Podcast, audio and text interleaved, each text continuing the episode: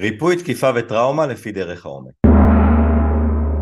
בפרק היום אנחנו נדבר על השותפים המרכזיים לתקיפה. מתברר שבשביל להגיע לריפוי משמעותי צריך להכליל את כל השותפים המרכזיים לתקיפה כדי להגיע לשורשי הדברים ולאפשר לריפוי להתממש. אני אור, מורה, מטפל ומנחה וגם מנהל בית הספר דרך העומק. אז בואו נתחיל. בהתחלה, כשעבדנו עם תקיפה וטראומה, אז עבדנו עם מי שתקפו אותה, עם הקורבנות, אלה שנפגעו, ועבדנו עם אלה שתקפו, אלה שפגעו. זאת הייתה עבודה טובה, היה אפשר לעשות עבודה מאוד מאוד טובה במרחב הזה, ויחד עם זאת היא תמיד הגיעה לאיזשהו מבוי סתום. כאילו שהיה איזושהי רצפה שמתחתיה לא היה אפשר יותר לרדת, והריפוי לא יכל להתממש. הדלת המשמעותית נפתחה כאשר התחלנו להכליל את כל מי ששייכים לתקיפה, בדרך כלל ברמה הסימבולית בחדר הטיפול, ולפעמים לפעמים גם קונקרטית, עם האנשים עצמם, וזה פתח לנו דלת אה, שלמה לריפוי נוסף ששינה את המרחב הטיפולי ואת המרחב של האנשים עצמם והביא לריפוי בצורה משמעותית.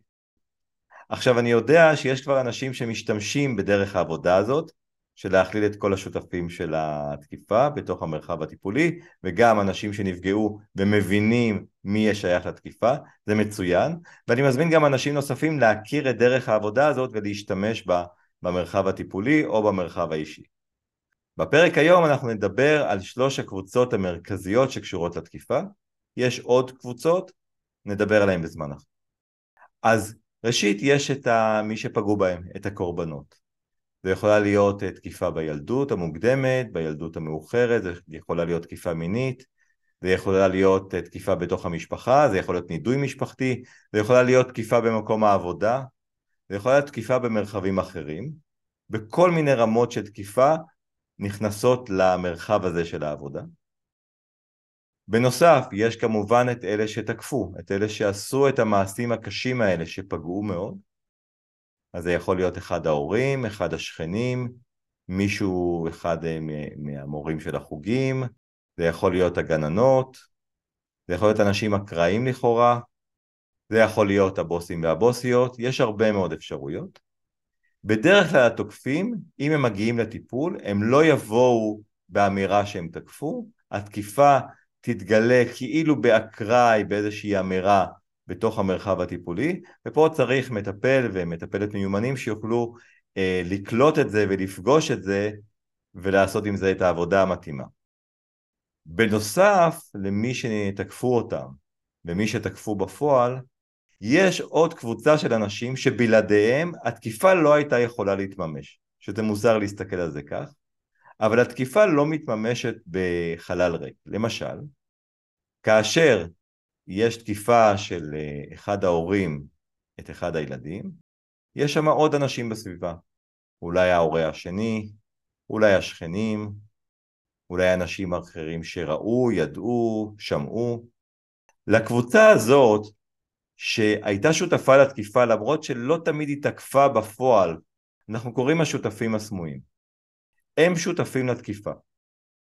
יש כל מיני סוגים של שותפים סמויים, בין השאר יש, אפשר לחלק אותם בין השאר לאלה שידעו, זאת אומרת, מישהו שלמשל הייתה תקיפה בגן, אז יכול להיות אולי שהגננת השנייה ראתה משהו, או אולי אחד ההורים שנכנס ראה, שמע, הרגיש, ויש את אלה שלא ידעו.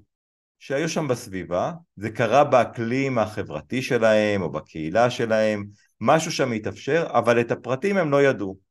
השותפים הסמויים, אם הם מגיעים לטיפול, בדרך כלל הם לא יקלטו את התפקיד שלהם, הם בטח לא יודו בו, הם לא יבינו מה רוצים מהם, רק כאשר uh, תעשה עבודת עומק, יש סיכוי שהם ייקחו אחריות.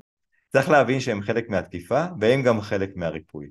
כאשר אנשים באים לעבוד על התקיפה שתקפו אותם, הקורבנות, צריך לקחת בחשבון שזה לא רק מי שתקף באופן ישיר, אלא גם מי שהיה שם ליד ואפשר את התקיפה. הם חשובים לא פחות לתהליך הריפוי, כמו שאני הסברתי לאורך כל הפרק הקצר הזה.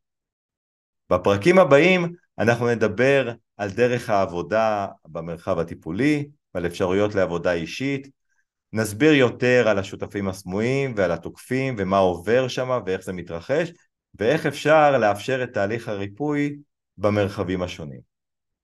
אם אתם אה, צופים בסרטון הזה ביוטיוב, אני אשמח שתעשו לייק, שתירשמו לערוץ. אם אתם שומעים את הפודקאסט אה, באחד מערוצי הפודקאסטים, אני אשמח שתירשמו. זה גם יעזור להנגיש את המידע למי שזה מתאים לו ולה, וזה גם יעזור לכם לקבל את הפרקים הבאים לאפיד שלכם.